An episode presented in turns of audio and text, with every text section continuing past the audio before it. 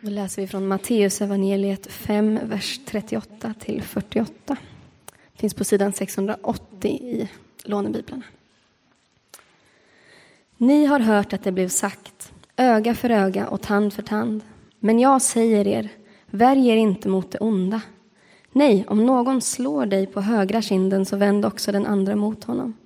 Om någon vill processa med dig för att få din skjorta så ge honom din mantel också. Om någon vill tvinga dig att följa med en mil i hans tjänst, så gå två mil med honom. Ge åt den som ber dig och vänd inte ryggen åt den som vill låna av dig. Ni har hört att det blev sagt, du ska älska din nästa och hata din fiende. Men jag säger er, älska era fiender och be för dem som förföljer er. Då blir ni er himmelske faders söner. Ty han låter sin sol gå upp över onda och goda och låter det regna över rättfärdiga och orättfärdiga. Om ni älskar dem som älskar er, skall ni då ha lön för det? Gör inte tullindrivarna likadant? Och om ni hälsar vänligt på era bröder och bara på dem, gör ni då något märkvärdigt? Gör inte hedningarna likadant?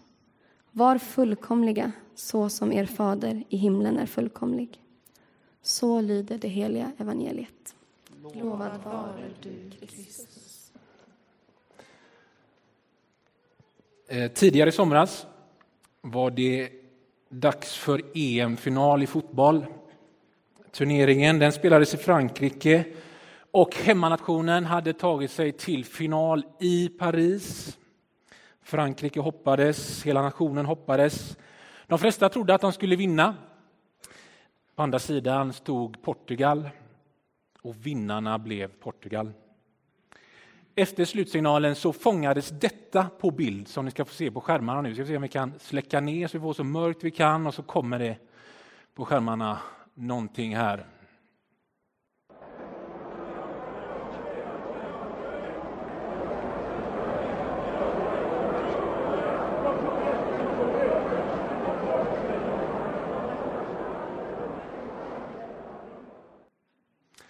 Snyggt, tack så mycket. Bild och ljud. En portugisisk pojke tröstar en fransk supporter. Mänsklig värme, snälla kom närmre. Och när den gör det, då är det vackert. I bergspredikan säger Jesus flera gånger, ni har hört det blivit sagt, men jag säger er. Den frasen säger oss en hel del. Jesus säger då så för att han har kommit för att uppfylla lagen. Han har inte kommit för att upphäva den eller profeterna utan för att uppfylla lagen. Uppfylla betyder att fullkomna, sätta i kraft. I grundtexten fylla på ett överflödande sätt.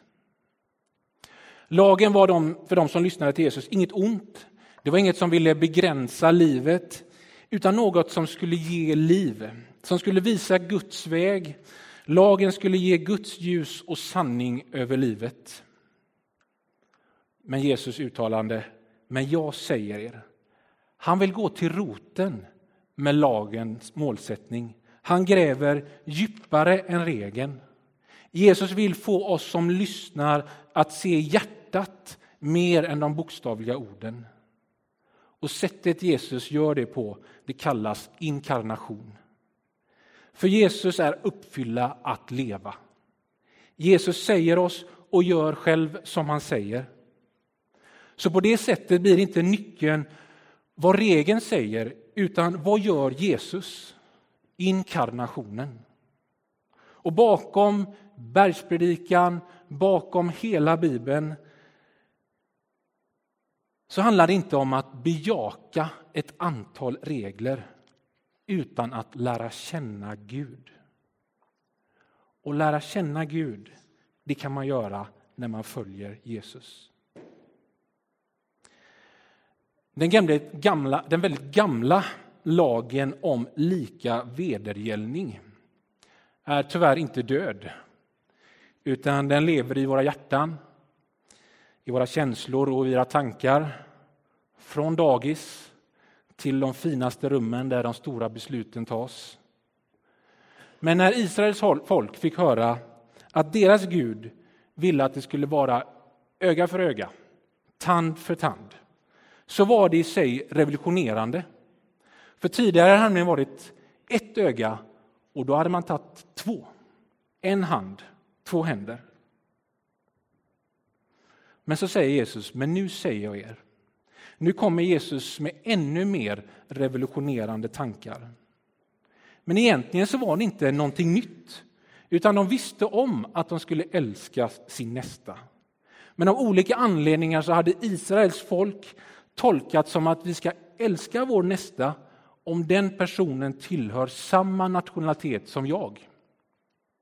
Och vår fiende, den ska vi hata, för den hatar ju oss.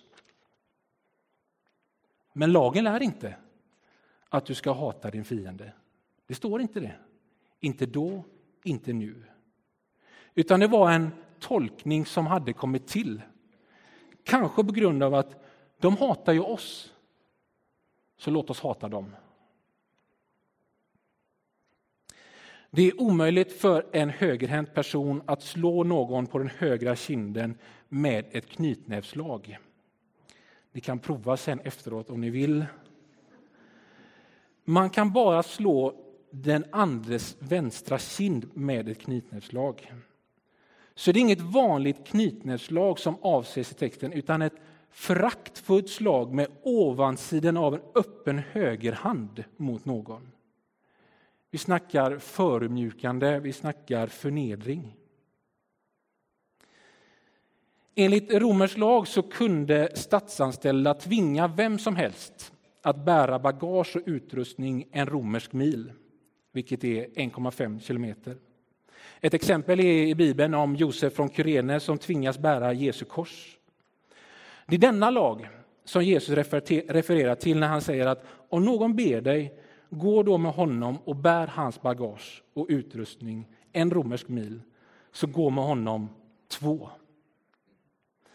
Att eh, vända andra kinden till, det är svårt att försöka tolka ordagrant. Men vi vet att när man gör det oväntade, det som inte krävs av en, alltså man gör någonting extra, så frågar ofta människor varför. Vad är drivkraften om du går med och bär någons packning i tre kilometer istället för en och en halv? Lagen uppmanade om att man kunde låna ut till sin nästa. Det fanns inte någon förväntan att låna ut mer än man kunde och inte heller skuldsätta sig. Och så var sjunde år så upplöstes lånen. Så när det sjunde året började närma sig så var ju risken större att man inte skulle få tillbaka sina pengar. Då lånar man inte ut sina pengar, de kommer ju inte tillbaka. Detta var bakgrunden till Jesu uttalande så låt inte girigheten hindra er att älska er nästa. Så, i dagens text från Bergspredikan så visar Jesus flera gånger hur en Jesu efterföljare ska agera mer generöst än vad lagen kräver. Och så är det alltså alla dessa regler. Men man måste titta bakom där. Och jag tänker, bakom det så finns det dessa exempel så vill Jesus ge livet en målsättning. Man behöver samtala och fundera kring de här olika orden, vad de betyder i sitt olika sammanhang. Vad betyder det att älska sin nästa och så vidare. Men Jesus vill ge oss en inriktning, en målsättning. Och man tror att Jesus vill visa en väg. Han vill gå till roten med lagens målsättning. Som Paulus skriver i sitt brev till församlingen i Rom ett gäng människor som du och jag som vill följa Jesus, så skriver han Kärleken är alltså lagen i dess fullhet. Mänsklig värme, snälla kom närmre. När den gör det, då tänker jag att man följer Jesus. Gud, han reformerar vedergällningens lag. Jesus reformerar lagen. Och när vi följer Jesus så blir det ofta en inre reformation i vårt inre. Kärleken förändrar. När Guds kärlek tränger in i oss så förändrar den oss. Jesus vill locka mer kärlek in i oss, där en värld där Gud låter en sol gå upp över onda och goda, låter det regna, efter, regna över rättfärdiga och orättfärdiga. Det är ingenting vi kan göra åt. Så ser världen ut. Men han lockar oss in i mer av hans kärlek. Man kan välja att följa Jesus, att verka älska sin nästa, älska vår fiende, be för dem som förföljer, förlöjligar och förödmjukar. Och då lär vi känna Gud. Då är vi som Jesus. Jag tänker att den målsättning som Jesus ville ge med livet när han säger det och vill gå till roten med lagen, det kan förstås i goda relationer. Goda relationer till Gud, till mig själv, till andra människor och allt skapat. Och om ni känner er själva så förstår ni att det är en målsättning, något man är på väg emot. Vi själva står ju och pendlar mellan självrättfärdighet och självförakt. Självrättfärdighet är att jag klarar att leva rätt i skillnad från andra. Självförakt, jag klarar aldrig av att leva som jag trodde eller som jag borde.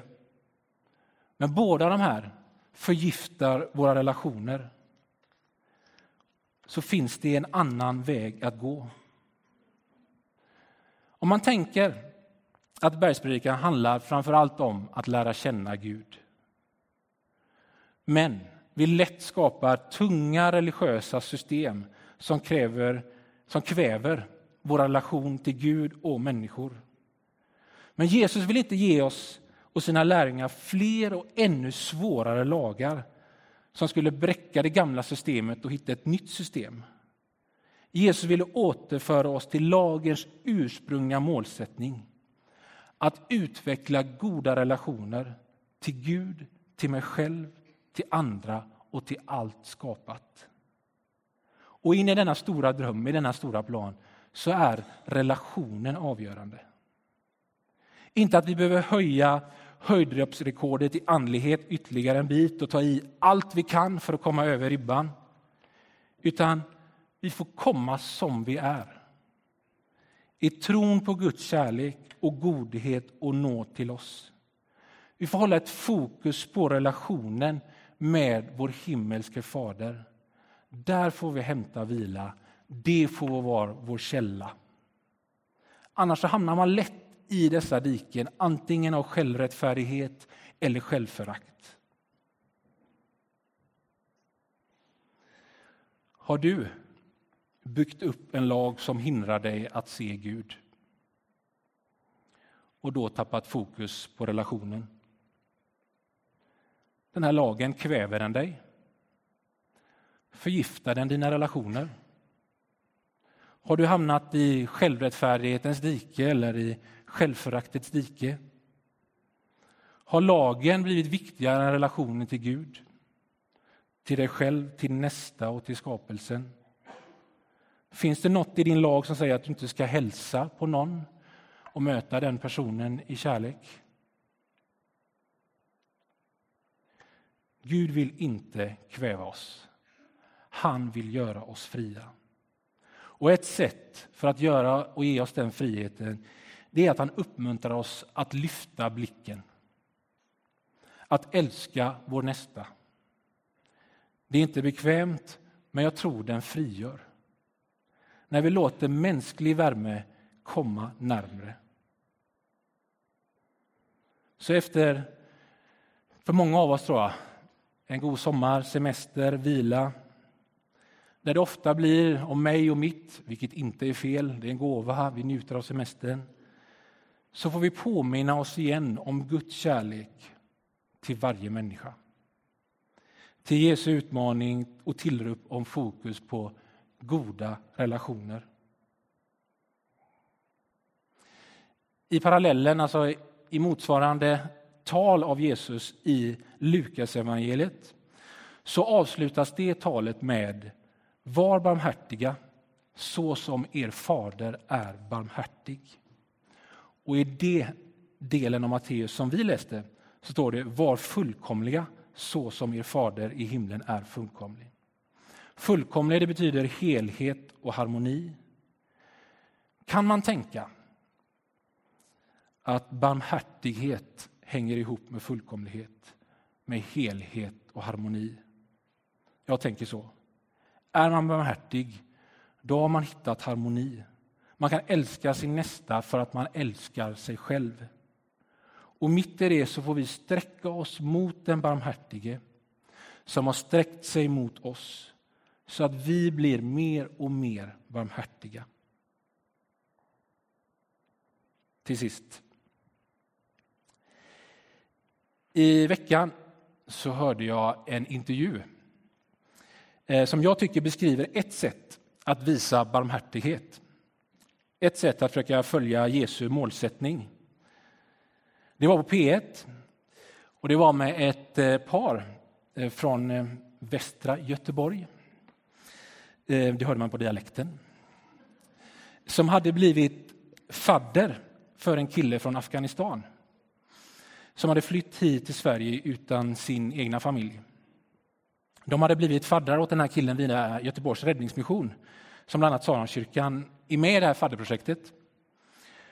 Eh, där ensamkommande flyktingbarn får relationer med etablerade svenskar. Jättebra. Och I intervjun så är de och spelar minigolf. Och på något sätt bara känner man värmen i orden och i berättelsen, i tugget, om man får säga så.